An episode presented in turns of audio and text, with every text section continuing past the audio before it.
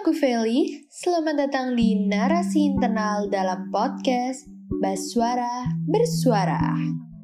Halo Sobat Suara. Sebelum kita masuk ke podcast kali ini, perkenalkan gue Feli dan gue adalah podcast terbaru di Baswara Bersuara. Kalau gue ngomongin self-labeling, mungkin terdengar sedikit asing ya di telinga kalian. Makanya, sebelum kita masuk ke inti dari podcast ini, gue mau kasih tahu dulu apa itu self-labeling. Jadi, self-labeling atau pelabelan diri adalah suatu kondisi di mana kamu atau orang lain yang melabeli dirimu dengan sebutan-sebutan tertentu seperti bodoh, malas, berisik, egois, dan sebagainya. Tapi, pelabelan-pelabelan yang dapat dilakukan itu bukan cuma pelabelan-pelabelan yang buruk aja. Bisa juga pelabelan ini berbentuk kata-kata positif seperti jago menggambar, pintar matematika, seru, multi talent, dan kata positif lainnya deh ya. Sayangnya, baik pelabelan negatif maupun positif, itu keduanya bisa berdampak buruk bagi kalian kalau tidak dikontrol dengan baik.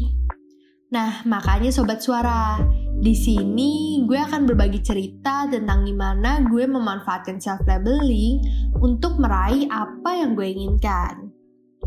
Cerita gue ini berawal saat gue duduk di bangku kelas 10. Saat itu gue baru aja masa-masa peralihan dari SMP ke SMA.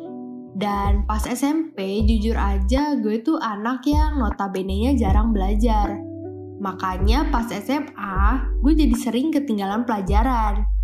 Dan akibatnya nilai gue tentu aja jadi jelek banget tuh. Di situ gue akhirnya mulai melabeli diri gue dengan sebutan bodoh dan member remedi. Benar member remedi karena saat itu dari mata pelajaran matematika sampai mata pelajaran bahasa daerah, gue remedinya selalu ikut. Jadi ya gitulah kira-kira keadaan gue saat itu. Nah, teman-teman gue juga mungkin berpikir kalau gue ini anak yang bodoh dan masa depannya nggak cerah lah kira-kira. Dengan label-label kayak gini, tentunya nilai gue nggak akan meningkat dan malah semakin turun. Hingga di suatu titik, gue tersadar akan satu hal. Jadi gue flashback ke masa-masa gue masih duduk di bangku SMP. Saat itu, gue kebetulan mengikuti beberapa acara yang melibatkan public speaking. Dan setelah melakukan public speaking, orang-orang tuh banyak yang memuji gue dan bilang kalau gue tuh punya bakat di sini. Jadi tentunya dengan pujian kayak gitu, gue akhirnya melabeli diri gue dengan sebutan jago public speaking. Dan semenjak saat itu, gue tuh gak pernah ragu lagi untuk mengikuti acara-acara yang melibatkan public speaking. Meskipun acara-acara itu tuh terbilang asing atau audiensnya lebih banyak daripada acara-acara biasanya. Nah, kenapa bisa begitu? Jawabannya tuh simple sobat suara, yaitu karena self-labeling. Iya, self-labeling yang bikin gue hampir naik kelas itu bisa bikin gue pede berbicara di depan banyak orang. Nah, inilah kekuatan sebenarnya self-labeling. Dan setelah menyadari hal ini, gue akhirnya mulai mengubah mindset gue yang sebelumnya melabeli diri gue dengan sebutan bodoh menjadi aku pasti bisa. Iya ini agak maksa sih sobat suara. Tapi bener-bener saat itu gue bingung mau melabeli diri gue dengan sebutan apa. Karena gue gak mungkin melabeli diri gue dengan sebutan pintar. Di mana gue saat itu posisinya masih anak ranking bawah di kelas. Jadi ya gue melabeli diri gue dengan sebutan aku pasti bisa Di mana label ini tuh uh, membuat gue mau mengerjakan PR-PR gue, mau belajar karena gue berpikir sebenarnya gue tuh cuman kurang belajar aja, sebenarnya gue bisa. Nah, pelabelan ini tuh sebenarnya akhirnya berhasil sobat suara. Di situ nilai gue mulai meningkat dari mata pelajaran yang sebelumnya gue anggap susah, akhirnya gue mulai bisa dan perlahan-lahan gue mulai naik rankingnya. Dari ranking bawah tiba-tiba gue udah masuk ranking 10 besar. Nah, sebagai reward kepada diri gue, gue melabeli diri gue dengan pintar, tapi belum menjadi nomor satu. Kenapa begitu? Hal ini karena gue ingin memberikan reward seperti pintar tadi, tapi gue juga nggak ingin label positif kayak gini menghambat gue untuk belajar lebih lagi. Gue nggak mau gue cepat puas diri begitu. Nah, dengan begitu akhirnya gue jadi happy dan gue berhasil melakukan pelabelan diri hingga akhirnya gue berhasil tembus ke PTN Top 3 di Indonesia.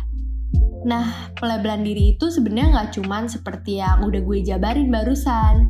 Masih banyak bentuk-bentuk pelabelan diri yang mungkin lu nggak sadar kalau lu udah ngelakuin atau ada orang lain yang ngelakuin pelabelan diri ini kepada diri lu.